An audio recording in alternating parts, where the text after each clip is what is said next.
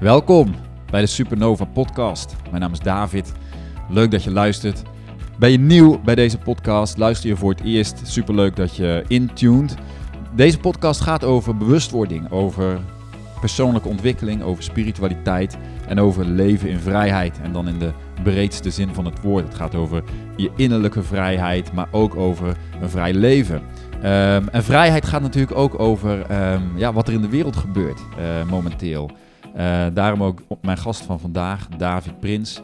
En vrijheid is wel een thema wat mij uh, enorm aan het hart gaat. En um, nou, ik vind dat wij als mensen de vrijheid moeten hebben en behouden om uh, zelf keuzes te maken als het gaat om vaccinaties, als het gaat om onderwijs. Um, nou ja, dat is natuurlijk een thema, als je mij langer volgt, dan weet je dat. Wij hebben in 2017 besloten om echt het roer radicaal om te gooien. Wij wilden onze kinderen was al een heel lang verlangen van ons. Wij wilden onze kinderen uit het Nederlandse onderwijssysteem halen om ze te unschoolen en te worldschoolen. Um, uiteindelijk zijn we uh, uit Nederland vertrokken um, en inmiddels wonen wij met ons gezin op Bali. Um, en nou ja, mocht je interesse hebben in worldschooling, in uh, unschooling, maar ook in locatie onafhankelijk leven en locatie onafhankelijk ondernemen, kijk dan even op mijn website davidpieters.com. En volg me ook even op Instagram, um, David Pieters. En dan kun je nou ja, daar meer over uh, vinden. En vrijheid is natuurlijk als nooit tevoren in onze wereld een thema. Um, en ik denk dat we allemaal uh, een steentje moeten bijdragen in um, ja, free speech. Maar ook in het hebben van een andere mening dan de mainstream. Nou, daar gaat deze podcast met David ook over. Het gaat over een gezonde discussie voeren over um, hoe hij het ervaren heeft nadat hij viral ging en wat er daarna met hem gebeurde. Nou, ik denk een heel waardevol gesprek met een heel interessante gast. Um, ik ben blij dat hij mij te woord wilde staan en ik wens jou um, heel veel luisterplezier. als jij deze podcast waardevol vindt, dat moet nog blijken natuurlijk, dan kun je uh, twee dingen voor mij doen. De eerste is abonneer je op mijn podcast. En uh, deel hem met een vriend of vriendin in je omgeving. Iemand waarvan je denkt van nou die vindt het interessant. Deel de podcast, daar help je mij mee, daar help je mijn gast mee. Dankjewel, heel veel luisterplezier en geniet van dit gesprek. Uh, David, naamgenoot, altijd leuk. Uh, welkom. Dankjewel. leuk ja. dat je mij te woord wil staan. Um, na een turbulente periode voor jou. Um, en ik, ik, denk zomaar dat wij best wel wat te bespreken hebben gewoon. Um, je hebt echt, uh, nadat jij uh, uit het niets in de Nederlandse media verscheen als een soort raket, kwam die. en zo snel was je ook weer vertrokken, hè? Ja, absoluut. Ja, ik heb daar wel... Ja, ten eerste hartstikke leuk dat je, dat je mij gevraagd hebt. Want ik volg jou een tijdje op... Uh, op Instagram al. Gewoon puur omdat ik het inspirerend vind dat je daar zit met je family en de dingen die je deelt. Uh, dus toen jij vroeg van, goh, wil je eens in gesprek gaan? Toen zei ik, uh, ja, dat is goed. Ik heb natuurlijk heel bewust na die video die viral ging, echt even gezegd een aantal uh, weken van, weet je, ik heb er nergens zin in. Niet ja. in media, niet in, op, niet in andere dingen. Heel bewust ervoor gekozen om dat te doen. omdat dat voor mij de manier was om ook goed de energie bij mezelf te houden en er gewoon goed doorheen te komen. Ja, snap ik. Dat is goed gelukt. Ja. ja. Want um, het was natuurlijk een beetje in de piektijd dat het net allemaal, het was natuurlijk nog heel veel onduidelijk. Um, om maar gewoon gelijk even naar dat moment te gaan van die video. Jij, was dat, wat wilde je daarmee? Had je daar, was dat meer je eigen persoonlijke soort van zoektocht? Of had je ook wel een bepaalde um, ja, bedoeling daarmee? Nou, ik denk, natuurlijk heb je altijd een, een, een, een bedoeling ergens mee. Maar het kwam op zich echt vanuit een soort hele oprechte ongerustheid. Ik ben uh, altijd iemand die heel erg bezig is met uh, gewoon kijken wat er gebeurt. Zien of het allemaal logisch is wat je ziet. En ik heb een enorme passie om bijvoorbeeld gezondheid uh, en ziekte bij de bron aan te pakken. Dus ook bezig te zijn met wat kun je nou zelf doen om uh, met behulp van leefstijl, van voeding, noem maar op, om jezelf gezond te houden, gezond te blijven. En juist ook in zo'n tijd van zo'n virusinfectie, denk ik dat het zo belangrijk is om, um, om daar veel tijd en aandacht aan te besteden. En, en dat is iets wat ik op een bepaald moment echt miste. En uh, dat is eigenlijk, denk ik, het belangrijkste wat, ik in die, wat ik in die video wou vertellen. Van jongens, kom op. Ik, ik mis ook aandacht voor wat je zelf kan doen om je gezondheid te bevorderen. We zien natuurlijk dat dit virus slachtoffers maakt, dat er mensen heel ziek worden. Maar we zien ook dat heel veel mensen die ziek worden ook mensen zijn met leefstijlgerelateerde problemen. Overgewicht, diabetes, hart- en vaatziekten. Um, die zijn dus eerder vatbaar eigenlijk. Ja, nou ja, of ze eerder, ik denk ze zijn vatbaarder om er zieker van te worden. In principe ga je ervan uit dat, dat, uh, dat als, je het, als het virus om jou heen is en je krijgt het binnen, dat zowel bij jou bijvoorbeeld, of bij mij, of bij iemand die uh, heel veel overgewicht heeft, zou dat verschil er niet echt moeten zijn in, in vatbaarheid om het binnen te krijgen, maar wel word je er heel ziek van of niet. En, en dat is denk ik de, de kern van mijn boodschap. En toen er gezegd werd van een vaccin is echt de enige oplossing, en met name het woordje de enige oplossing, dat triggerde mij gewoon. Omdat ik denk van oké, misschien is een vaccin absoluut wel nodig. Uh, ik vond op dat moment wel dat we nog heel weinig wisten van alles wat er speelde. Dus ik heb gezegd, ja, hoe weet je dat nu al zeker? Maar ja, dat zou best kunnen. Uh, maar waar ik met name nog getriggerd was, was ik miste aandacht voor wat wij zelf kunnen doen om gezonder te gaan leven en gezonder te worden. Hmm. Uh, maar kun jij mij of ons vertellen waarom is daar geen aandacht voor? Is dat gewoon de paradigm van de politiek? Of wat? Je bent toch ook niet de enige arts, uh, zullen we maar zeggen, of iemand uit de, de, de medische wereld die, die dit vindt? Maar je bent wel een van de weinigen die blijkbaar ja, daar wat over zegt. Ja, nee, er zijn veel meer. En ik, ik weet je, ik, ik hou ook altijd, en dat, eh, ik hou van, een, van het focussen op het positieve. En, en eh, daarin moet ook gezegd worden dat er steeds meer artsen komen die aandacht hebben voor leefstijl. Er zijn, zijn ook steeds meer artsverenigingen die eh, benoemen hoe belangrijk dat het is. En ook de wetenschap op een rij zetten. En mensen helpen in hoe kun je nou die gezonde leefstijl doorvoeren. Dus er komt steeds meer aandacht voor. Ik weet ook dat er steeds meer artsen zijn die, um, die dat ook gewoon uit, uitspreken. En, en waarom is er dan nu op dit moment misschien niet meer aandacht voor? Ik, ik heb het antwoord niet. Ik denk wel dat exact wat jij zegt. Ik denk dat heel veel mensen zich er nog niet bewust van zijn. En met name in, in de politiek natuurlijk. Er komt zoveel op hen af. Er moeten zulke grote beslissingen genomen worden. Ik kan me ook voorstellen dat je denkt van ja. Um, even op korte termijn bewijzen van een hele mindset van een bevolking veranderen om uh, gezonder te gaan leven is nogal een uitdaging. Ja. Dat ze zeggen van uh, ja, we, we, focussen eerst op andere dingen. Ik denk niet dat het per se een, een kwade intentie is. Um, misschien moet het gewoon meer onder aandacht gebracht worden nog. Het is natuurlijk wel interessant dat jouw video heeft zoveel losgemaakt in allerlei kampen. En je kwam daar later ook op terug deze week volgens mij. Waarin je zei van ja, ik ben, uh, er is mij, ik ben enorm geframed. Er zijn stukjes uitgeknipt om iedereen zijn agenda eigenlijk maar te cateren. Wat, wat kun je daar nog over zeggen? Wat zijn de dingen waarvan jij zei van nou ja, die, die, die zijn uit zijn verband gerukt. Of daar hebben mensen mij echt willen ja, framen. Kijk, Um, ja, wat kan ik daarover zeggen? Um, ja, nou, dat, dat begint denk ik met een korte introductie van mijzelf. Ik ben juist iemand, en wat vandaar komt weet ik niet, dat ik denk dat als iemand een hele andere mening dan ik uh, heeft, dan denk ik van, dat is interessant. Dus als iemand heel ver weg van mij staat, dan ben ik me sinds een aantal jaar heel bewust om niet gelijk mijn deuren te sluiten en te denken van, nou weet je, dat, dat snap ik echt niet, dus uh, ga maar weg, ik blijf bij mezelf. Ik vind het juist altijd heel interessant om dan te kijken van, oké, maar waarom denk jij zo? Wat, hmm. wat, waarom zie je dat zo? Waarom denk jij zo? Niet om het altijd eens te worden, want ik vind dat dat, dat, dat hoeft niet altijd. Maar meer om gewoon uit respect de ander te proberen te begrijpen. Ja. En dan is heel vaak aan het einde de conclusie dat je zegt van, nou weet je, wij hebben echt een verschillende mening en wij zien de waarheid anders.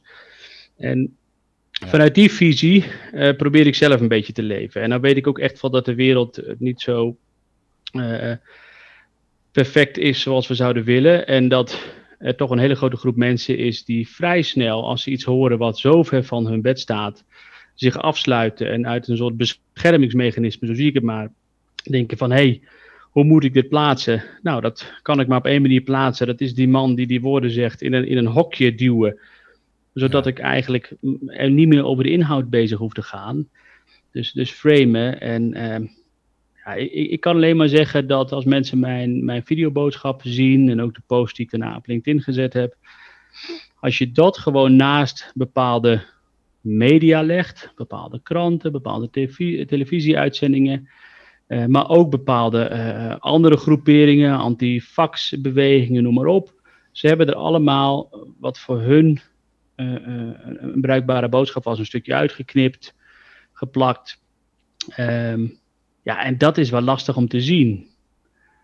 Um, want ja, je wordt dan heel anders neergezet dan dat je het eigenlijk bedoeld hebt. Ja, is bij jou ook, waar ik nieuwsgierig naar ben, is ben jij bijvoorbeeld door um, artsenverenigingen of collega's op de vingers getikt? Of ging bij jou de telefoon aan van, jongen, waar ben jij in godsnaam mee bezig? Ik, ik, gewoon, wat gebeurt er dan achter de schermen hè, in die... Ja, Natuurlijk heb ik wel contact gehad met mijn, met mijn beroepsvereniging, maar ja, weet je, ik denk wel dat het, op zich wil ik daar ook niet meer op ingaan. Ik denk dat de belangrijkste boodschap daarin is uh, dat er denk ik heel veel mensen, um, hoe moet je dat zeggen? Um, ik denk heel veel mensen die, die hebben zelf ten eerste de boodschap niet geluisterd. Dus die zijn afgegaan op wat ze bijvoorbeeld hebben gezien in zo'n editie NL, waar ze de meest gekke dingen hebben geknipt en geplakt tot iets wat ik eigenlijk gewoon niet gezegd en beweerd heb. Het, het, meest gekke wat ik ook vond daar is dat men uh, zo geknipt en geplakt heeft volgens mij dat ik berichten krijg dat ik 5G verbind met corona.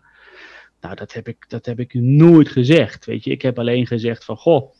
Als je kijkt naar 5G, is er een groep wetenschappers die, die zegt van hé, hey, dat zijn gewoon echt wetenschappers, hè, hoge pieven, die zeggen hmm, is het wel echt veilig? Weten we dat voldoende? En er is een groep die zegt van, nou weet je, dat, dat is uh, voldoende, dat, wij, dat is gewoon goed. En wat je merkt is, als je kijkt op YouTube, op de social media, er komt steeds meer censuur. Bepaalde boodschappen, kritische boodschappen, worden verwijderd. Dat is met 5G zo, dat is natuurlijk met, met corona zie je ook wel dat bepaalde video's verwijderd worden. En, en dat is eigenlijk het enige wat ik gezegd heb. Hè. Moeten we dat normaal vinden? Dus ik heb niet eens beweerd dat 5G onveilig is. Uh, ik heb alleen gezegd, moeten we het normaal vinden dat er zoveel censuur plaatsvindt? Dat mensen eigenlijk dus zelf niet meer een keuze mogen maken. En als je dan ziet hoe dat soort woorden uit zijn verband worden getrokken, ja, dan, dan kan ik me ook wel voorstellen dat als mensen um, niet de ware boodschap zien, maar alleen de geframede boodschap, dat ze denken, hè, wat is dit nou?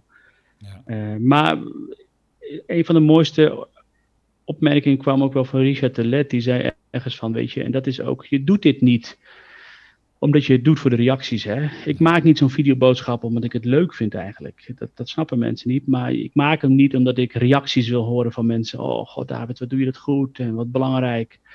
Dus zo goed dat je je niet moet focussen op de negatieve reacties, moet je eigenlijk ook niks aantrekken van de positieve reacties. dat zijn de mooie woorden die... Ja. Je moet doen wat je ja, moet doen. Ja, die Richard Telet zei je moet doen wat je moet doen. En, en ik vond het belangrijk om, ja, de essentie is nogmaals dat ik, ik wou eigenlijk die aandacht leggen op leefstijl, jongens. Van kom op, laten we ook daar nu aandacht voor hebben om, om, uh, om elkaar gezonder te maken. Nou, ik wilde uitgebreid ook over die leefstijl, wil ik zo meteen uitgebreid met jou ingaan. Maar nog, nog, toch nog even één ding waar ik denk dat mensen geïnteresseerd in zijn. Van, als arts, kijk, op het moment dat jij een witte jas aan hebt, dan luistert iedereen. Hè? Maakt niet uit of je ergens verstand van hebt of niet, eigenlijk. Maar op het moment dat je dan iets zegt, mhm. nou, dan ben je een autoriteit in één keer. Hè? Hetzelfde in de mhm. politiek. Je doet een um, blauw pakken met een rode stropdas en in één keer ja, ben je iemand. Hè?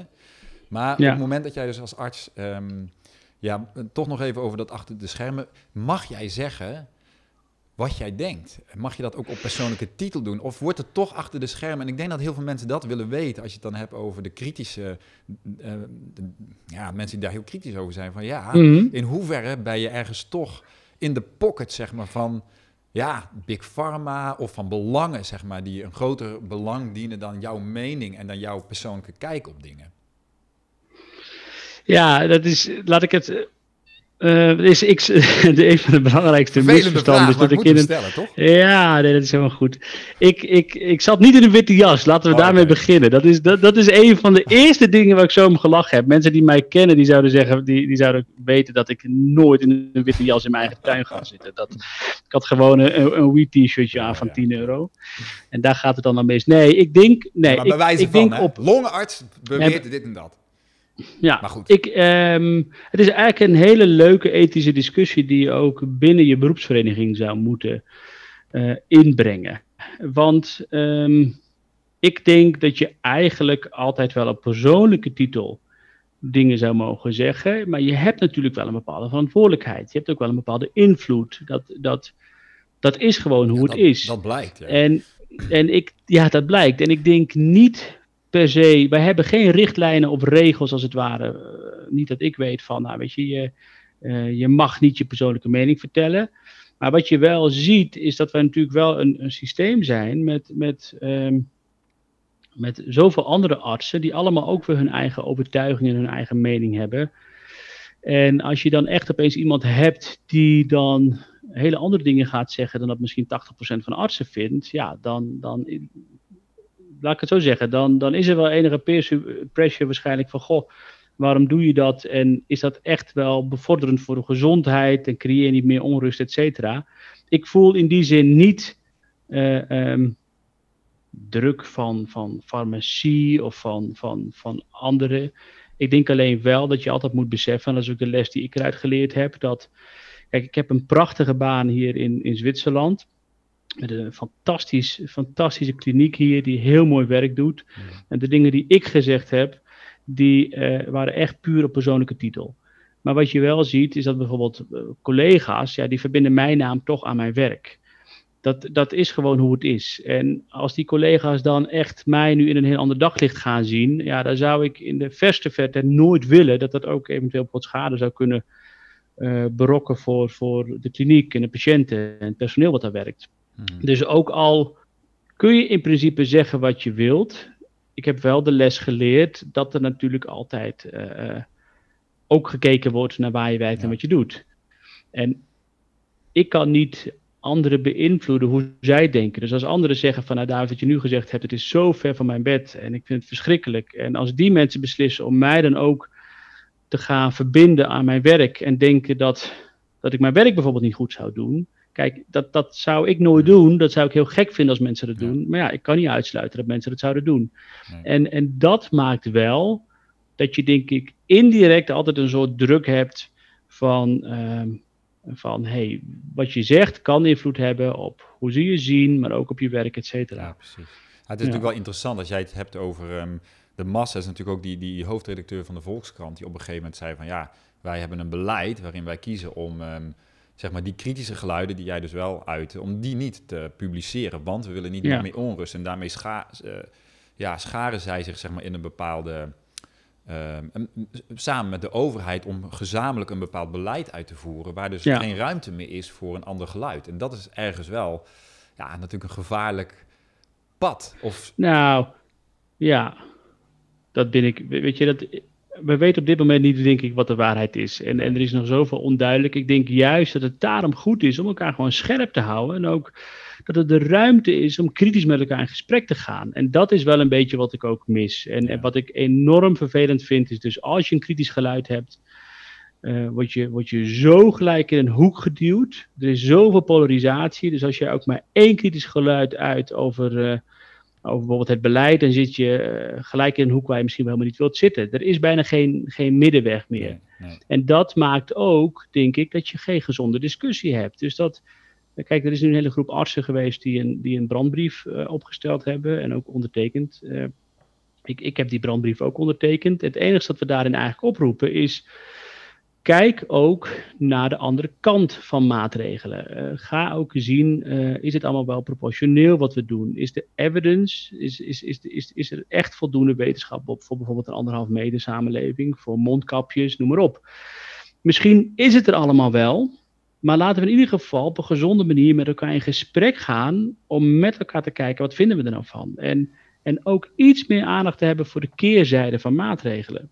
Ja, is, en, en, uh, je maakt jezelf eigenlijk een mooi bruggetje naar uh, die mondkapjes. Jij bent longarts. Um, ja, hoe zit dat? Ik bedoel, hier in Azië, ik woon in uh, Bali, ja, iedereen draagt een mondkapjes. En ja, ja ik, ik, ik denk als toch allemaal een beetje een wassen neus. Um, maar goed, ja, ik mag natuurlijk gewoon zeggen wat ik wil, hè, dat snap je. dat doe ik ook.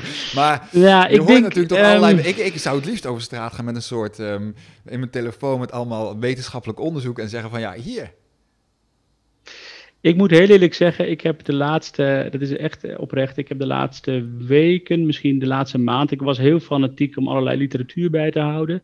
over het coronavirus. Uh, dus ik vond het ook leuk en een uitdaging om te zien van wat vinden we allemaal. Dat is op een bepaald moment wordt dat heel onmogelijk, want er worden zoveel dingen gepubliceerd. Ik kan het bijna niet meer bijhouden. Ik vraag me überhaupt af hoe iemand daar nog een beetje overzicht in kan hebben.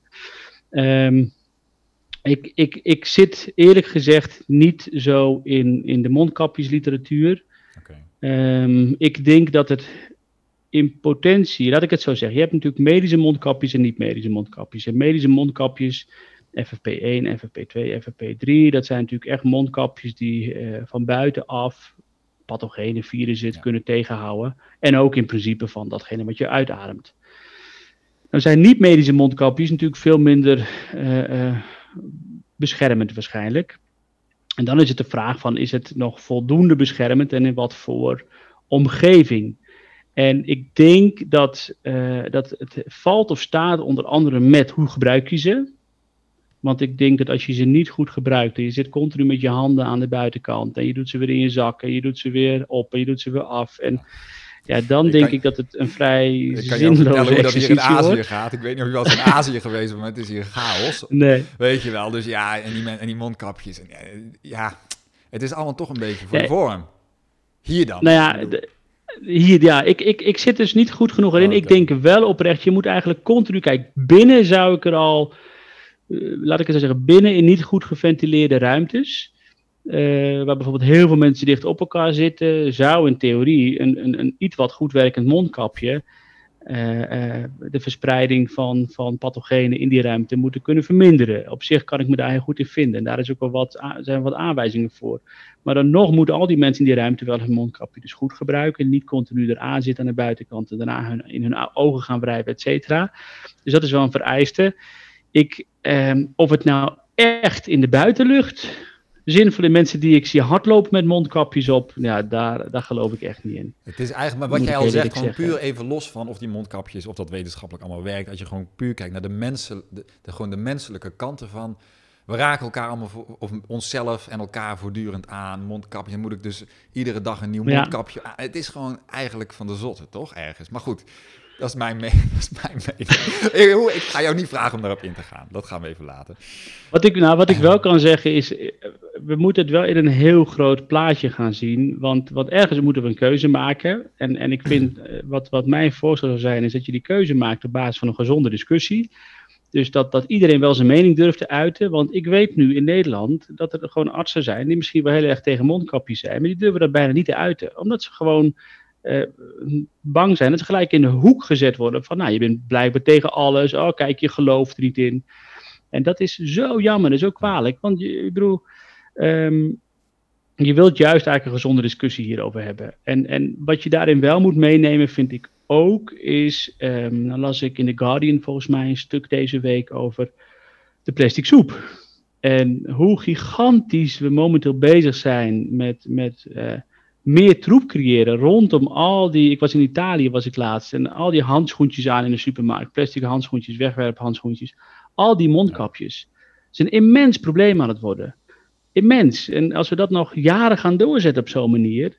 Uh, dan moet je wel van hele goede huizen komen. En heel zeker weten dat het bijvoorbeeld uh, goed werkt. Als je dat soort keerzijdes nu ook ziet ontstaan. Ja, dat gaat en over dat is eigenlijk mondkapjes. Ja, miljarden. Dat is, ja, dat bizar. is bizar. Ja. En, en dus dan eigenlijk wat je continu moet doen, en wat ik wel een heel klein beetje mis, is wat is het, wat, wat, wat is het doel? Hè? Wat is het, het doel op dit moment van, van het bestrijden van corona? In het begin was het doel heel duidelijk en heel terecht. We moeten de capaciteit op de zorg toegankelijk houden. IC's moeten niet overstromen. En we willen straks niet dat mensen overlijden omdat er geen zorg meer is. De ziekenhuizen moeten de zorg aankunnen. En we werden eigenlijk overvallen. Dus dat er toen gehandeld is hoe er toen gehandeld is, ja, daar kan ik mij ook eh, in vinden. Ik kan me voorstellen als je nog niet goed weet van een virus wat het doet. En je ziet dat de IC's overstromen. Dat je zegt van ja, misschien moeten we de boel maar tijdelijk afsluiten. Ik denk dat het nu heel belangrijk is. Dat is gelukt, maar wat is nu het doel? Ja. Is, is het doel nou echt, en die indruk krijg ik was een beetje, om dit virus helemaal de wereld uit te helpen? Dat niemand meer corona mag hebben. Uh, want dan hebben we ons doel bijgesteld. En, en dat wordt denk ik een behoorlijke uitdaging. Want nou ja, ja zo'n virus. Het is natuurlijk een bijna filosofisch gesprek over, ja, moeten we alle bacteriën maar uit de wereld en virussen en alles wat maar potentieel een gevaar voor de mensheid is de wereld uithelpen. Het is eigenlijk, in, in, gewoon die gedachte is natuurlijk een soort doorgeslagen Ehm, idee over dat we ja, onsterfelijkheid moeten hebben of zo. Hè? Van, we willen niks, wat, en controle over, ja, controle. Ja. Ja, controle. En, en, en ja, dat is, dat is inderdaad, uh, dat zijn goede punten. En daar zou je over met elkaar eigenlijk op een hele volwassen, gezonde manier in gesprek moeten met, met alle toponderzoekers, maar ook breder dan alleen de medische wereld. Van wat, wat willen we bereiken? Wat vinden we acceptabel? Wat niet? Kijk, dat ziekenhuizen en IC's overstromen, dat moet je gewoon niet hebben. Uh, uh, maar moet je kosten wat kost straks uh, twee jaar met een mondkapje oplopen omdat niemand meer corona mag hebben? Ja, dat, dat, dat zou wel heel, ja. Nou ja, het lijkt toch een zijn, beetje op. Ik weet, niet, ik weet natuurlijk niet we weten allebei niet wat er gaat gebeuren. Maar gewoon het idee dat we dus die mondkapjes, dat is nu uh, blijkbaar ja, het nieuwe normaal. De wereld. Hè? Dit, het is niet over één land of over een gebied, maar dit is wereldwijd. Ja, en dan maar wachten tot hoe lang dat gaat duren. Ja, dat is heel gek hè. Ja, ik, ik, ik, ik vind het een hele onwerkelijke situatie, vind ik het. Ja. En, en, en daarom is het denk ik ook, zou het zo fijn zijn als als we met een brede, grote groep mensen op een goede manier met elkaar in gesprek kunnen blijven gaan. Om te zien van wat is op dit moment wel nodig, wat is niet nodig. Ook om dingen in perspectief te blijven zien. Uh, ik ben zelf al een tijdje dus uit, uh, nou ik ben inmiddels ook van Facebook af, dus ik weet eigenlijk ook niet meer zo goed wat er speelt. Maar je zou denken dat vooral Nederland is toch echt een land waar mensen wel met elkaar in discussie durven gaan en waar er wel een gesprek gevoerd kan worden over weet niet hoe het in Zwitserland is, maar ja, waarin we met elkaar kijken van jongens, waar zijn we mee bezig en wat is echt nog, ja, om, om van beide kanten, weet je wel, het gaat mij ook niet om um, de extreme op te zoeken, maar gewoon van wat, wat, dit is blijkbaar nu de situatie, oké, dit is het, hoe kunnen we hier, ja, onze sanity een beetje houden? Ja. Ja, Zwitserland op zich doet het heel goed. En het, het, het gekke is weer, toen ik hier kwam wonen, dacht ik dat Zwitsers een enorm gedisciplineerd volk waren die altijd uh, uh, als eerste alle regels opvolgen. Maar het, het indrukwekkende is dat zij, ze blijven eigenlijk, ze volgen de regels wel op, maar ze blijven eigenlijk wel heel relaxed. Er is eigenlijk heel weinig paniek en angst. En, um, dus, dus, en dat vind ik wel indrukwekkend, want in Nederland heb ik wel een beetje het gevoel dat, daar ken ik ook wel mensen die toch bijna verlamd zijn van angst. Die durven soms bijna niet eens meer naar de supermarkt toe. Hmm. En in Zwitserland gaat het allemaal nog wel iets relaxter. Iedereen probeert echt zijn best te doen om zich aan die regels te houden. Dat is ook prima. Maar toch zie je dat mensen ook nog wel willen leven. En nog wel buiten komen en naar de supermarkt gaan. Ja. En uh, ik weet niet, het voelt hier wat ontspannender dan dat ik het idee heb dat het misschien in Nederland is. Ja, nou, dat, dat gevoel krijg ik ook van buitenaf van Nederland. Dan ik denk, nou, maar goed, sommige mensen. Weet je, alles is natuurlijk ook je perceptie. Hè? En uh, de ene denkt, ja, het valt wel mee. En de ander denkt van, ja jongens, waar, wat, wat is dit voor wereld? En uiteindelijk moet iedereen, dus dan mijn, mijn overtuiging is van, ja, je creëert ergens ook je eigen werkelijkheid. Dus waar jij je ja. op gaat focussen en waar je, wat je met je gedachten en je emoties en je energie opricht, ja, dat wordt jouw werkelijkheid. En die kan of heel vervelend worden, maar die kan uiteindelijk ook heel mooi worden, zelfs in deze bizarre tijden waarin we leven. Dus dat is dan het, het stukje persoonlijk beheer, denk ik, wat ieder mens uiteindelijk moet doen. Ja, eens. Nee, helemaal eens. Mooie woorden. Um, nou even naar jouw um, hè, de gezondheidskant. Je bent dus longarts en je bent ook, uh, mm -hmm. je bent ook plant-based, hè, geloof ik. Ja. En is dat een, uh, ik weet niet of die twee met elkaar te maken of, of het, het, eten van plantaardige voeding nog goed is voor de longen of niet, dat weet ik niet. Maar ik vond het wel interessant. Ja. Oké, nou, ik ben zelf ook al lang op het plant-based pad, of het vegan, vegan pad. Ik weet niet of jij vegan eet, ja. maar... Ja, absoluut. Ja, kun je daar iets over vertellen van jou, jouw reis daarin? Ja, mijn reis daarin begon al echt als klein mannetje. En ehm, als, als kind zijnde had ik altijd, weet je, ik ben niet voor niks arts geworden. Ik ben arts geworden omdat ik het mooi vind om anderen te helpen en, en, en kwetsbaren te helpen. En als je ziek bent, ben je vaak kwetsbaar. En dat trek ik eigenlijk veel breder dan alleen mensen. Dat trek ik ook naar hoe gaan we om met onze planeet, hoe gaan we om met, met dieren. En als klein mannetje weet ik nog wel, ik was tien of elf jaar. En dan zaten we in de auto ergens naartoe en dan zag ik van die trucks voorbij rijden met die varkens erin. En dan zag ik die koppies, die neusjes naar buiten steken. En dan dacht ik van jongens, waar, waar zijn we mee bezig in godsnaam? Dit, dit zijn gewoon, net als ons, dit zijn voelende wezens. Je ziet in die ogen gewoon dat ze angst hebben, dat ze stress hebben. Daar hoef je geen wetenschapper voor te zijn. En toen had ik al vrij snel ergens, ja, ik denk dat ik 11, 12 was, dat ik dacht van ik ga geen vlees meer eten. Ik wil daar niet meer aan meedoen. Want hoe kan ik me aan één kant de schuldig over voelen, maar aan de andere kant in mijn daden wel laten zien dat ik er nog aan meedoe. En uh, dus dat was eigenlijk voor het eerst echt dat ik een soort ervaring had van nee, ik wil echt ook leven naar wat ik, wat ik verkondig in mijzelf. Dat ik, ik wil niet meer meedoen aan dierenleed. Dus toen werd ik uh, vegetariër vanaf mijn twaalfde. En dat heb ik, ben ik sindsdien gebleven. En het gekke is, dat ik snap het nog steeds niet. Ik heb toen eigenlijk echt tot zes, ja, jaar geleden ben ik dan echt volledig vegan gaan leven. Van het een op het andere moment. Omdat ik opeens ging inzien dat ja, maar David, shit, weet je. Ik ben wel geen vlees meer aan het eten, maar jezus, eh, melk, het product melk is met zoveel horror omgeven. Hè? Kalfjes die gelijk bij hun moeder worden weggehaald. Stierkalfjes die op verre transporten worden gezet, omdat ze, zodat ze bij zes weken oud geslacht kunnen worden. Kaas hetzelfde. Ik dacht van, hè? Eerste wat ik dacht is, waarom, waarom voel ik dit nu pas? Waarom heb ik niet eerder mijn ogen geopend? Ik was echt een beetje pist op mezelf eigenlijk. Wake-up moment. Ja, echt zo'n wake-up moment. En ik denk dat ik mezelf stiekem eh, onbewust dat ik het gewoon niet wou zien of zo. Ik weet niet, omdat ik misschien wel dacht dat de verandering te groot was. Ik was een enorme kaasfan altijd. Echt, ja, want ik had uh, ei met kaas. Dat weet ik. Ja, dat is heel verslavend. Hè?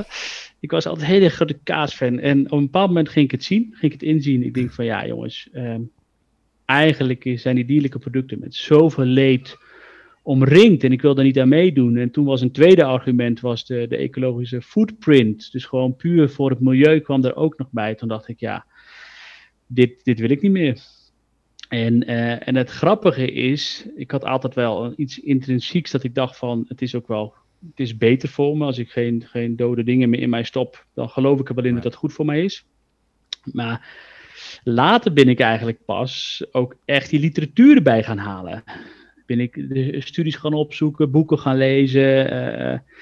Uh, een van de eerste boeken was dan ook Anti-kanker van David van Schrijber, een, een, professor in de, in de psychiatrie, die, die ook veel over leefstijl geschreven heeft. Toen kwam ik op het pad van, uh, hoe heet die andere man, ook zo'n plant-based. Uh, ik heb hem hier ergens liggen. Nee, ik de China Study is natuurlijk een grote. Hè, van, de China Study, ja, dan, dan, ga je voor het eerst ga je How Not to, how not to Die ja, van... Gregor. Van Gregor. Uh, ja, en toen kwam ik eigenlijk, toen, het was voor mij echt, alles kwam samen. Ik denk van, hé, hey, maar dit is echt de leefstijl die bij mij past. Ja. Ik, ik, ik probeer ethisch zo goed mogelijk mijn ding te doen. Ik doe niet meer mee in al dat leed.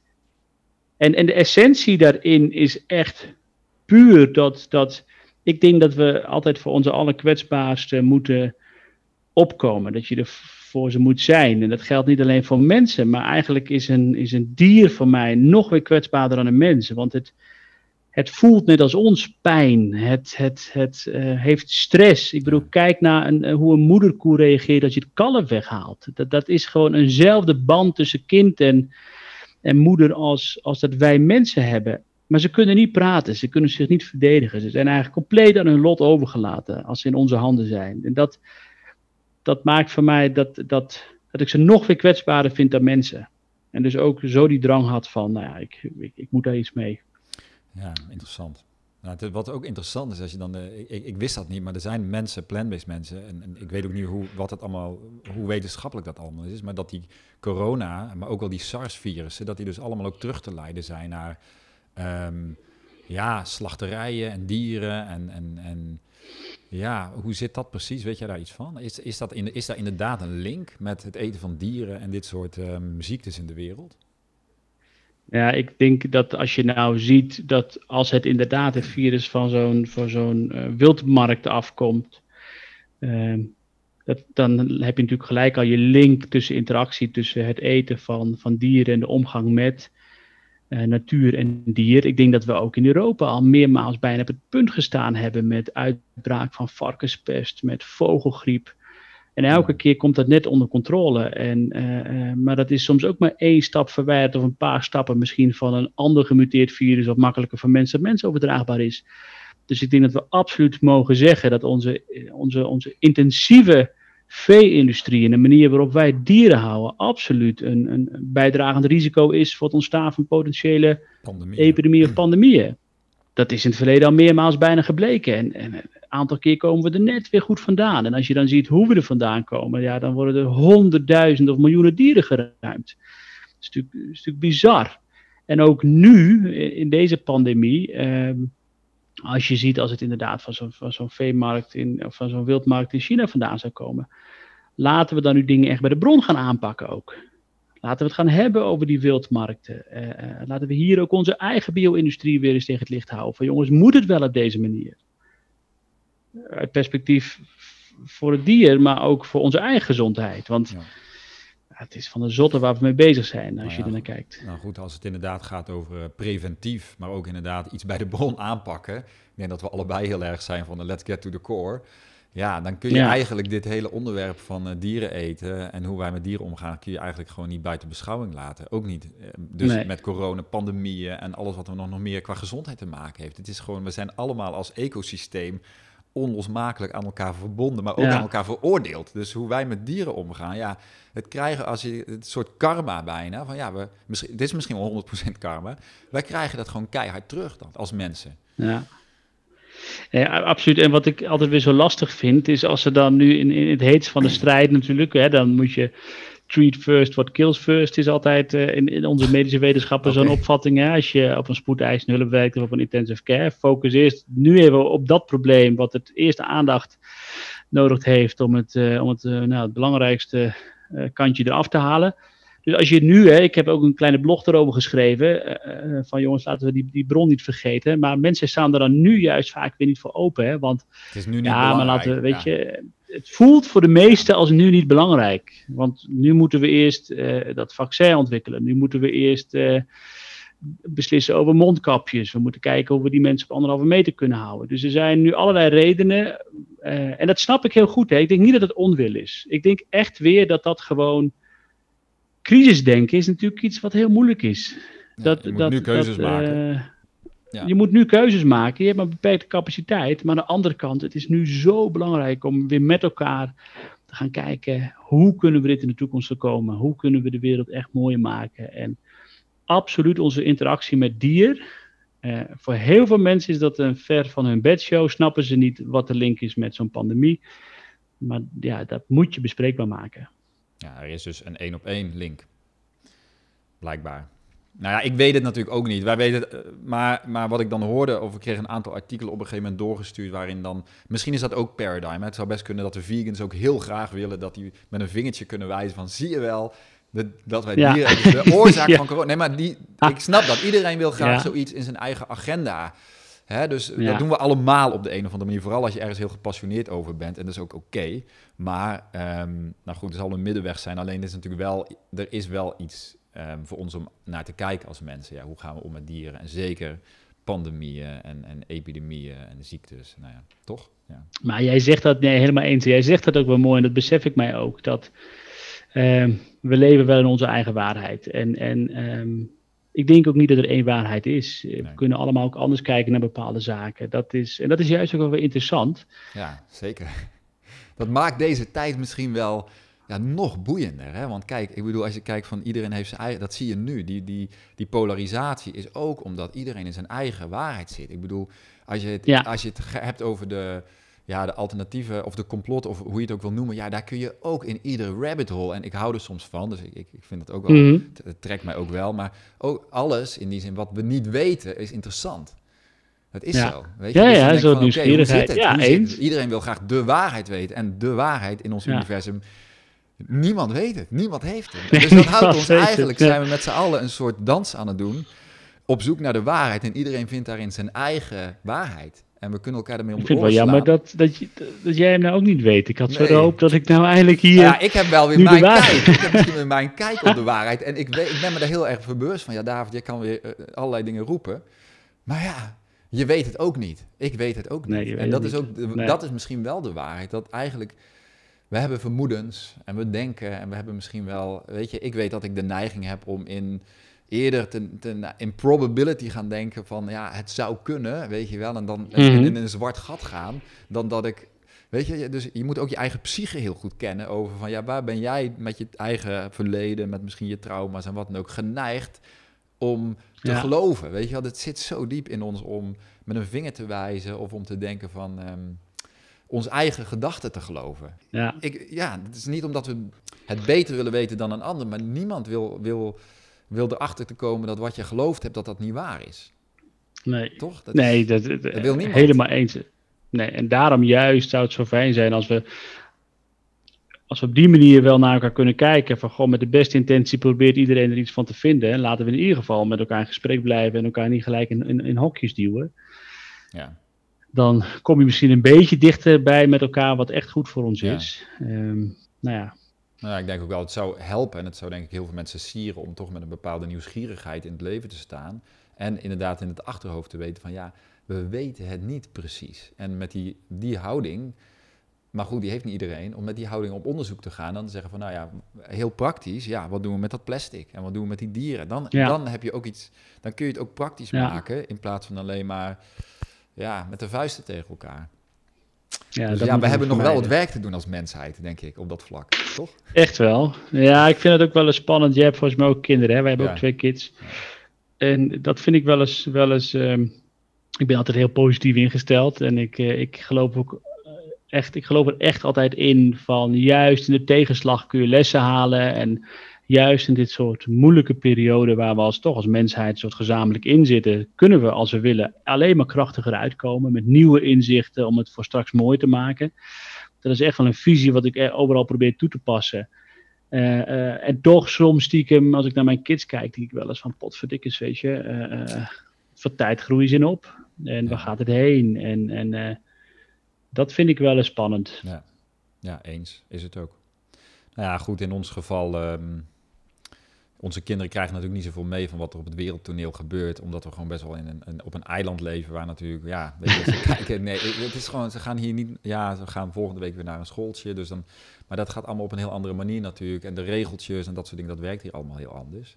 Maar ik, ik, we hadden van de week een gesprek met onze kinderen gewoon over, ehm, ja, het nieuws, toch wel wat dingen die je eigenlijk je, je kinderen voor wil beschermen, die je wel moet bespreken, hoe de wereld in elkaar zit. En ehm, ja, dat is toch ook wel onze taak als ouders, denk ik, om ehm, ja, niet onze kinderen naïef op te groeien als kritische, weldenkende burgers. En ze de ruimte te, en ook het niet groot te maken, weet je, dat vind ik ook wel lastig hoor. Van ik wil mijn kinderen ook niet in, zeg maar, in een, mijn mening opleggen, want ik weet het eigenlijk ook niet.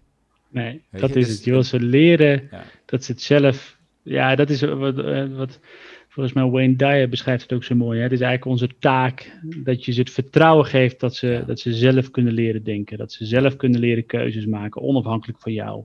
En natuurlijk is dat op hele jonge leeftijd nog weer moeilijker omdat ze wat ouder worden. Maar zo zie ik dat ook absoluut. Ze moeten juist die, dat, die, die, dat, dat vertrouwen krijgen dat ze zelf mogen kiezen, durven te denken, durven te beslissen. En waarschijnlijk gaan ze een paar keer op hun bek dan, leren ze van.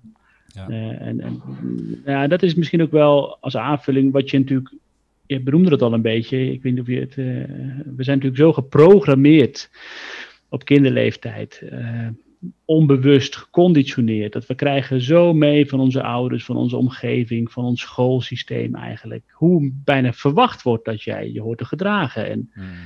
en, en, en je ziet natuurlijk zoveel ook dat, dat mensen bijna niet meer zelf durven te denken. Dat ze meer bezig zijn om het goed voor een ander te doen. Omdat Ja. ze bang zijn om te falen. En, en je merkt ook, heb ik het gevoel, dat daardoor soms echt op een frisse, positieve manier met elkaar in discussie of in gesprek gaan heel moeilijk wordt. Omdat juist wat jij zegt, als jij 10, 15 jaar zo vastzit in, in het denken op een bepaald patroon, ja, dan is het, dan is het misschien Ja. voor jouw brein wel onmogelijk Ja. om, om open te staan voor nieuwe ideeën. Ja, nou, dat is denk ik denk zelf als ik naar mijn kinderen kijk en naar hoe wij onze kinderen opvoeden, is van ja, de diepe, diepe conditioneringen die wij in de maatschappij en door onze opvoeding hebben meegekregen, om die ten eerste van onszelf, om, ons, om mezelf vrij te maken van mijn eigen conditionering en mijn eigen vastgeroeste patronen over. Is het gelukt? Nee, het is een dagelijkse taak, man. Jeetje. Ja. Nee, maar dit is echt, dit is werk Ja. wat ik iedere dag doe, waar wij, waar wij gewoon soms in een rollercoaster zitten van wow, wat komt er, eh, angsten die bovenkomen, patronen, ehm, ideeën Ja. waarvan ik denk van oké. En wij, wij proberen wel iedere keer buiten de box zeg maar te denken. En op een gegeven moment wordt het een spel. Hè? Van oké, we kunnen dit probleem wat we hier hebben, kunnen we ook op een totaal andere manier oplossen, weet je wel, dan alleen maar in onze kaders te denken, weet je. En dat is, ja, ik denk dat, dat, dat daar zou de wereld wel mooier van worden als we met z'n allen ehm, onze vastgeroeste ideeën kunnen loslaten. Maar goed, daar, daar kom je natuurlijk heel diep in de psyche of in de emoties van een mens, waar de angsten zit en de controle. Ja, en mijn, zo zie ik dat, ja, een groot onderdeel van mijn reis is gewoon heel veel controle loslaten. Nou ja, op zich leven we daarvoor wel in een mooie tijd, toch? Ah ja, absoluut. En nee, absoluut. En, en dat was ook rondom die video, was het een prachtige les die ik eruit kon halen. Is gewoon, je hebt een soort spoedcursus loslaten, noem ik dat. Je, je, hebt geen controle. Dus je kan kiezen dat je bezwijkt onder de druk van de mening van velen. Of, of, of je wordt er eigenlijk sterker van. Doordat je eigenlijk, en dat, dat gevoel heb ik wel, dat je gewoon de controle durft los te laten. En te zeggen: het is niet hoe het is. Eh, Victor Frankl zegt dat volgens mij zo mooi. Als je de situatie niet kunt, kunt, veranderen, kun je alleen de manier waarop je er zelf uh, op reageert veranderen. En, en dat is wat je dan moet doen. En dat is natuurlijk met, met, met zoveel zaken zo. En ik denk wat jij benoemt is wel prachtig. Dat eigenlijk zouden we daar op de middelbare school al onderwijs in moeten krijgen. Is leren te ontleren. Ik bedoel, dat is dat is even belangrijk als het leren van nieuw gedrag. Ik bedoel, we zijn natuurlijk. Uh, je, leert ook dingen uh, um, in je omgeving die natuurlijk heel goed zijn en heel mooi zijn. Er zijn heel veel mooie patronen die jij waarschijnlijk uit je jeugd geleerd hebt en die ik geleerd heb, die ons alleen maar ten goede komen. Dus het is natuurlijk allemaal niet, uh, ja, niet nee. slecht en verkeerd. Maar aan de andere kant, weet je, je leert ook wel eens gedrag, bijvoorbeeld, waarvan je denkt van, goh, dat zit er diep in en dat zou ik wel willen afleren. Maar dat ontleren, wat jij al zegt, het is bijna een, dagelijkse bezigheid. Het ontleren van patronen of gedrag wat je eigenlijk niet meer wil. Ja, als we daar nou eens meer tools in zouden kunnen krijgen. Ik, ik heb toevallig, wanneer was het? Vorig jaar, twee jaar geleden, bij Robin Stevens, misschien ken je hem, NLP-trainer. Heb ik om die reden, omdat ik het interessant vond, heb ik een keer een NLP-cursus gedaan, neurolinguistisch programmeren. Omdat ik echt nieuwsgierig was, enerzijds voor mezelf, maar ook omdat ik het in mijn omgeving zoveel zie, ook bij patiënten van ja, hoe werkt dat nou eigenlijk allemaal weer? En, en hoe, dat gaat natuurlijk ook wel over een stukje conditionering. En hoe kun je zelf een beetje met trucjes proberen uh, bepaald gedrag gemakkelijker aan te leren of te ontleren. Ja, ik denk zelf als ik naar, naar, mijn kinderen kijk, dan denk ik van waar, waar wij... Ja, en dat komt natuurlijk... Natuurlijk is alles in, ook weer een tegenbeweging, maar wij proberen wel heel erg ook bij mijn kinderen van wat voel je echt? Weet je, die intuïtie, um, gewoon je eigen innerlijke je intuïtie en je gevoel volgen. Bijvoorbeeld een heel simpel voorbeeld. Net een uur geleden viel mijn dochter hier met een fiets die net iets te groot was van haar. Maar mijn andere jongste dochter had gezegd: ja, je moet daar fietsen in dat kleine straatje waar je niet goed kan draaien. Dus daar ging zij fietsen en ze viel en bloed aan de teen, blote voeten natuurlijk.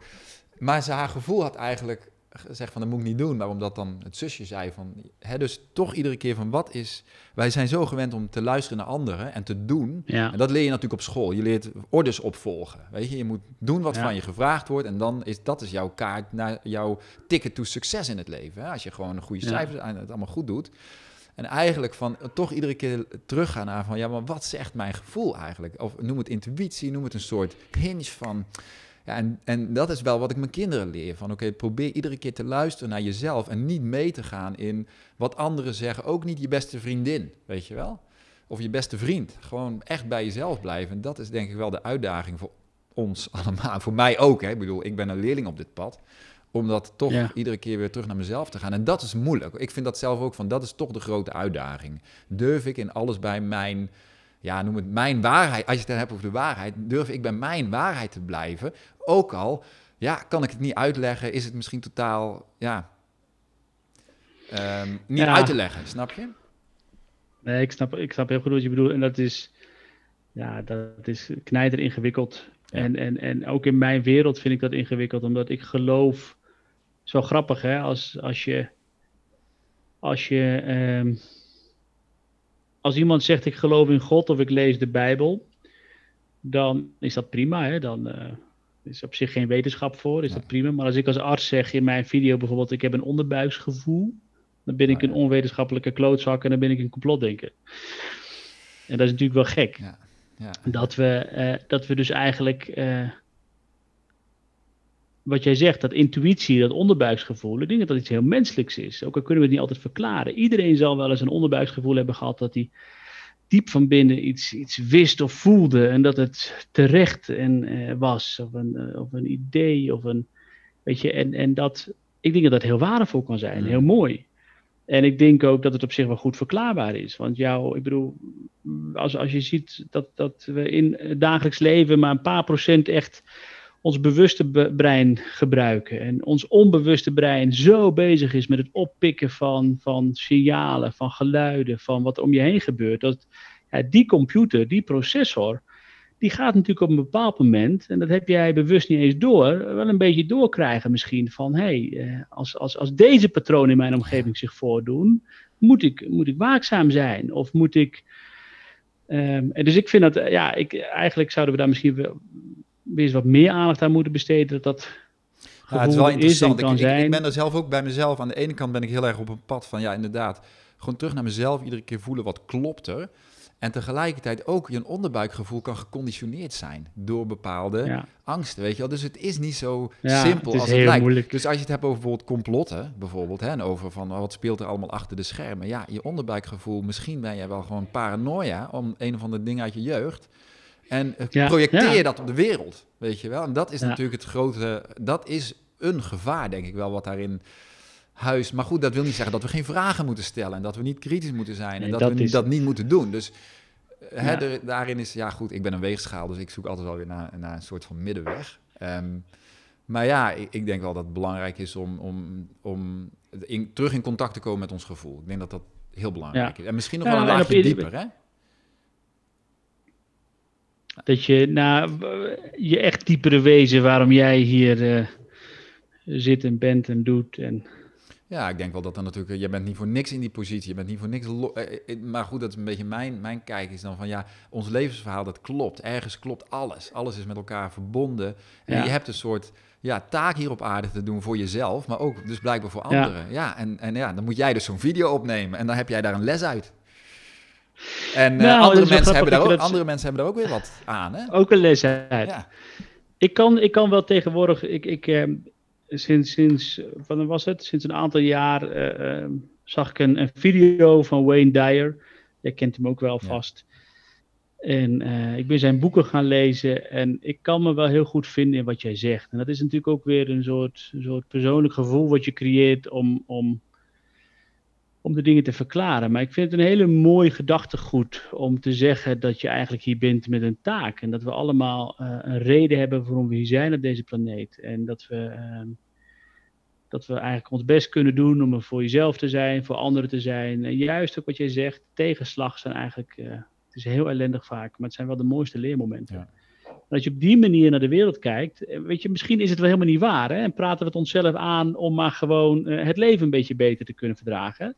En dan is het ook een legitieme reden, vind ja, ik. Tuurlijk. Is ook oké, okay, hè? Ik bedoel, uh, uh, maar ja, ik, ik vind dat heel mooi wat je zegt. Ik kan me daarin vinden. Ik, ik probeer ook steeds meer op die manier wel naar dingen te kijken. Ja, dat is mooi. Nou, ik had een mentor, hij is inmiddels overleden. En hij zei altijd van, al geloof je iets wat niet waar is, al, zolang het jou maar verder brengt in je leven naar een volgende stap, go with it. Weet je wel? Ja, en dat het, als het geen schade toebrengt aan, aan anderen en, en, en uh, ja, wat doen we er dan kwaad mee? En kijk, en dat is natuurlijk wel weer, als je het hebt natuurlijk over de situatie van nu en corona en noem maar op. Kijk, ik kan me ook heel goed voorstellen natuurlijk, je kan als overheid geen beslissingen nemen op je onderbuiksgevoel. Hè? dat, Rutte, dat Rutte daar zo'n persconferentie heeft. En ik zegt, voel dat we dit moeten doen. Ik voel wat.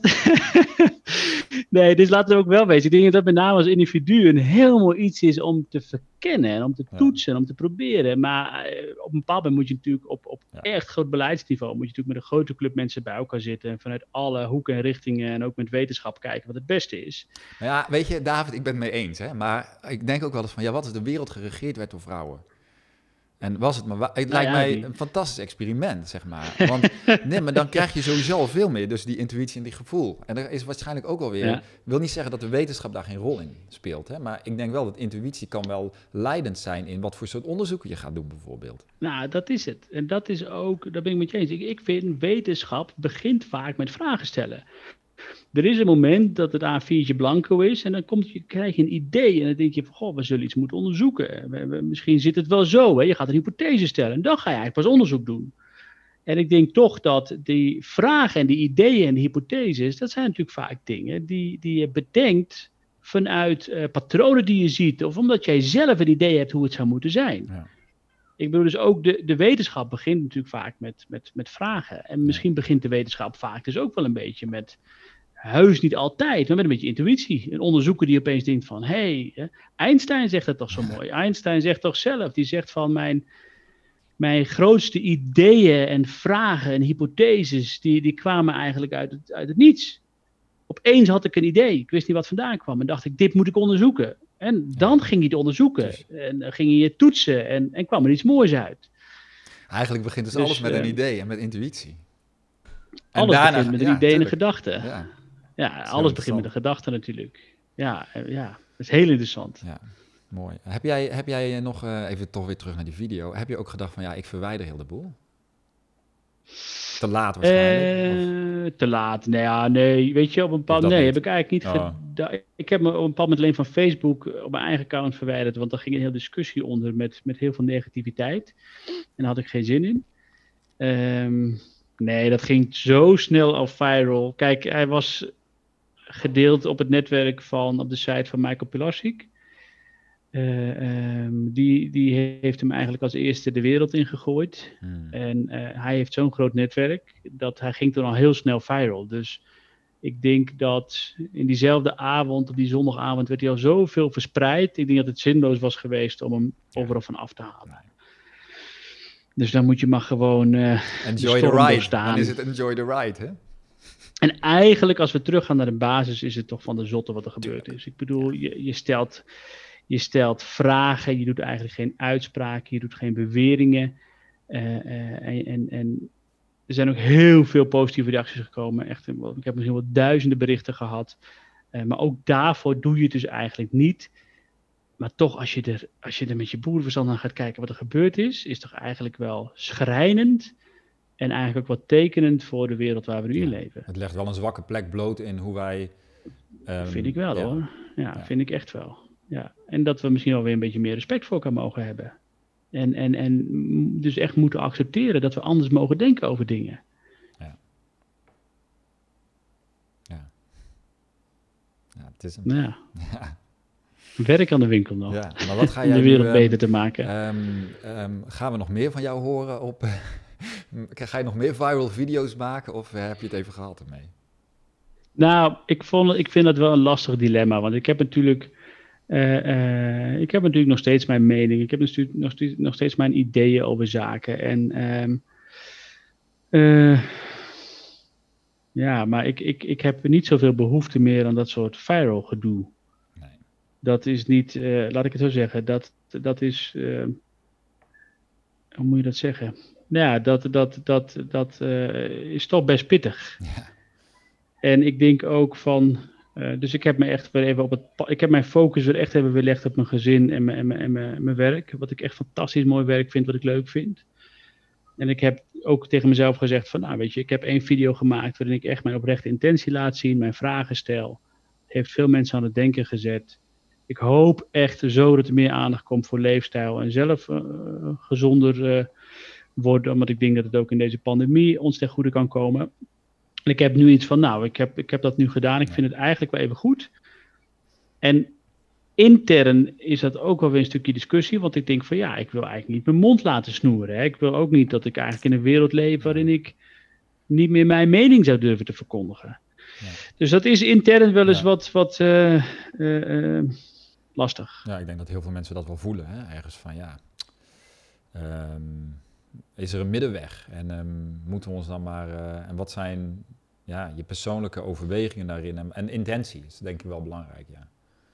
Ja. Wat vond je bijvoorbeeld van die artsen die in Amerika begrepen? Dat was, dat was het vorige week. Die, um, die um, was het een Nigeriaanse arts, zwarte arts, die met een groep andere artsen daar voor het Witte of ergens in Washington stonden. Ik weet niet of jij die video hebt gezien. Dat waren ook artsen en die, dat ging dan over dat. Ja, ik heb het niet gezien. Ik heb, uh, ik heb het niet gezien. Ik heb het alleen uh, via via uh, op. Uh, ik, heb dan, ik kijk eigenlijk bijna geen nieuws meer. Lees eigenlijk bijna geen krant meer. Maar het enige wat ik dan wel eens krijg is zo'n zo'n zo'n feed met het, het topnieuws of zo. Weet je, dat zit dan standaard op je telefoon.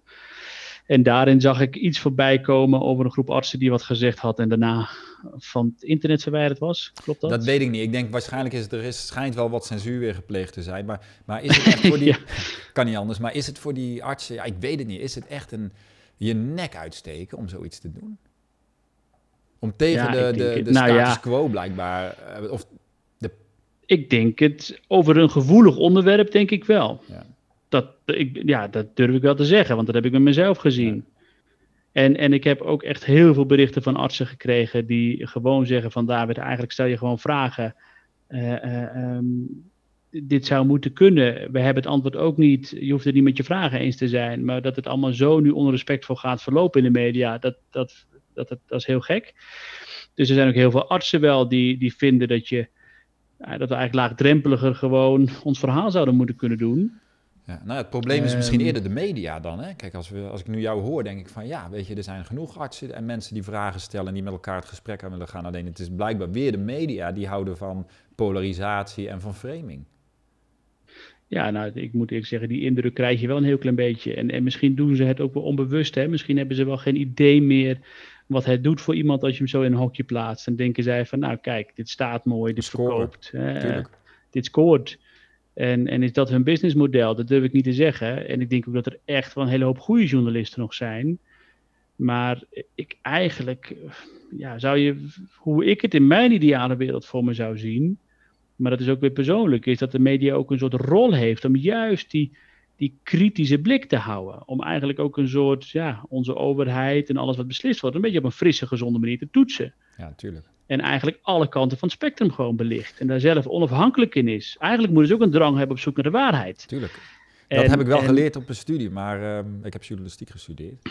Maar ik kwam er al vrij snel achter dat de waakhond, de waakhond, de rol van waakhond, dat je die eigenlijk, nou, die wordt op dit moment toch minimaal uitgevoerd door zeg maar de gemiddelde media. Ja, maar, en ik maak me ook wel, daar heb ik me echt veel zorgen om gemaakt. En dat maak ik nog steeds, is dat ik denk van, of die continue aandacht voor de getallen die we gezien hebben nou echt bevorderlijk is in het oplossen van de coronapandemie. Dus, dus continu getallen uh, over uh, één ziekenhuisopname erbij, één eraf, ja, um, zoveel overlijdens. En dat, is, dat zijn verschrikkelijke getallen, dat, dat, dat zal ik nooit ontkennen. Maar ik bedoel, uh, Jan en Piet die thuis op hun balkonnetje zitten, die elke dag de krant lezen, ja, ik kan me voorstellen dat ze er echt een beetje depressief van worden. Van kijk nou eens. En nou ja, dus je krijg je inderdaad, groeit. dat is natuurlijk het toppunt van framing, dat je dus een probleem veel groter maakt dan het is. Of heel erg in een hokje plaatst, waardoor het zoveel aandacht krijgt. En daar creëer je natuurlijk heel veel angst mee. Nou ja, goed, dat weten we. Ja, en dat is, en, nou, en dat is niet goed voor je. Dus nu ook, continu elke dag, gelukkig hè, lijken de ziekenhuisopnames en de overlijdens op dit, op dit moment in Nederland uh, nou, zijn allemaal een stuk lager dan wat het was. Dus dat is positief. En dan lees je eigenlijk al wekenlang alleen maar weer de, de nieuwe gevallen. En dat is natuurlijk dat is niet fijn. En dat, uh, je hoopt dat er minder worden dan meer. Maar uh, moeten we als burger, zijn we er echt bij gebaat om elke dag die getallen te horen? Ik denk echt dat we, dat we heel veel angst en onrust creëren. En dat die angst en onrust helemaal niet goed voor je is. Dat doen we bij heel veel ziekten. Dus, dus, niet. Nee, en, en, en um, ja, dan vraag je wel af waarom doen ze dat? In die zin van, is het dan echt puur die sensatie van, uh, ja, het verkoopt, want het is een onderwerp wat leeft. En dat denk ik dan. Hè. Dan denk ik, dat zal het dan wel zijn. Het onderwerp leeft, dus het verkoopt, dus je moet er toch wat over schrijven. Maar voor onze gezondheid denk ik bijna van, jongens, laten we de kranten vragen beetje minder aandacht. Focus een beetje meer op positief nieuws. Dat mensen weer een beetje vertrouwen krijgen. Mensen een beetje uh, zich weer, weer wat lekkerder gaan voelen. Dat is ook goed voor ons afweersysteem, denk ik. Ja, precies. Wat minder angst. Ja, lekker de zon in. Ja, dus nou ja, daar, daar vind ik wel het mijne nog steeds van. Ja. Oké. Wil je er nog iets aan toevoegen? Nee, ik ben benieuwd wat je ervan gaat maken. Nou, ik ga er niks van maken, dit is het. ik word niet geframed, hoor. je wordt niet geframed. Ik, ik, ik heb niet ah, dat ik nou, nog iets in moet knippen of plakken. Nee, nee, nou, mooi. Nee, ik heb... Uh, uh, ik moet eerlijk zeggen, ik vind het ook wel weer... Dat is wel weer een stukje eigen ontwikkeling, hè? Dat je toch wel een beetje op je hoede bent naar zo'n alles wat er gebeurd is. Van, oh shit, als bepaalde uitspraken maar niet uit zijn verband worden getrokken als toch een, een, een uh, omdat je gewoon geen zin meer hebt om zo in het middelpunt te staan. Ja. Uh, dat is wel grappig om te merken in zo'n gesprek. Ik ben altijd een hele vrije spreker geweest. Ja, ik, ik, eh, ik, geef zelf ook wel eens lezingen en dan, dan knal ik er gewoon uit wat, waarvan ik denk dat het goed is, wat, eh, wat in mijn hart zit, wat de wetenschap laat zien. hangt vanaf waar ik het over heb. En toch merk je dat nu in zo'n podcast, ook met jou, wat ik dat hartstikke leuk vind, dank je, ik vond het een fijn gesprek, dat je denkt van, hé, hey, uh, je bent een beetje twee stappen aan het vooruitdenken. Ja, ja, ja. Van als ik, dit nou zeg, ik bedoel het oprecht, maar straks gaat iemand het anders quoten. Ja. Nou ja, dan wordt hier niks geknipt. Maar het is interessant, want dit is dus in het klein. En dit was natuurlijk best wel een heftig uh, zeg maar, moment bij, in jouw leven. Of in, af, afgelopen maanden. Maar dat je dus inderdaad, dat is natuurlijk toch ergens al conditionering en programmering. Ja. Dit is het. ja. je wordt, we worden dus al, oh, wat zeg ik? Mag ik dit wel zeggen? Wat krijg ik dan over me heen? Dus hoe kwalijk? Weet je, dat is free speech. Wordt natuurlijk op deze manier, op een hele subtiele manier. Kijk, natuurlijk is het misschien in jouw geval ja, ik, ik weet het niet. Maar goed, zo gaat het blijkbaar. Zo gaat het. En toch denk ik ook wel weer, het is, um, dat is ook wat ik zelf doe. Ja, tuurlijk. Nou, misschien wil je nog even een boute uitspraak doen, David. Ik nodig je eigenlijk nog even de knuppel in doen door te gooien. nee, nee, nee, ik ben heel positief ingesteld. Ik doe nooit boute uitspraken, oh. toch? Nee, ik denk het ook niet. Ik vond het allemaal heel... ik vond het niet zo shockend. Maar ik, ik zag wel natuurlijk... Um, nou goed, we hoeven er niet nog meer woorden aan vuil te maken. Volgens mij is alles er wel een beetje over gezegd. um, dankjewel. Ja, jij graag gedaan voor je ik tijd. vond het een aangenaam gesprek. Zeker. Um, waar kunnen mensen jou nog volgen? Ja, Instagram ben je nog David Prins. Doe je, heb je nog ja, LinkedIn, Instagram. En ik, ik, ik heb nog wat ideeën voor Instagram. Die had ik al voordat die video viral ging. Maar dat heb ik even allemaal on hold gezet. Dat wil ik eigenlijk op korte termijn toch ook wel mee starten. Eigenlijk uh, zat ik zelf al heel lang met het idee om misschien ook wel uh, een soort, soort, soort live Instagram sessies te gaan doen met anderen. Met mensen die mij inspireren. Dus een beetje wat jij doet. Over diverse topics, gezondheid, noem maar op. Alles wat, wat, wat ik zelf interessant vind. Dus Instagram kunnen ze mij volgen. En ik hoop dan ergens de komende maanden daar ook eh, mee van start te gaan. Dus zelf wat meer een beetje uh, podcast, vlogachtige dingen te gaan doen. Leuk. Nou. Ja. Interessant. Dus nou, wie weet nodig ik jou nog eens uit. Ga ik het anders nou, doen? hartstikke. ja, top. Gaan we doen. Ik zou zeggen ja. Dus bij deze ja. Top. Ja, mooi man. Um, dankjewel. Graag gedaan. En um, ja, mooi. Tot de volgende. Tot de volgende keer.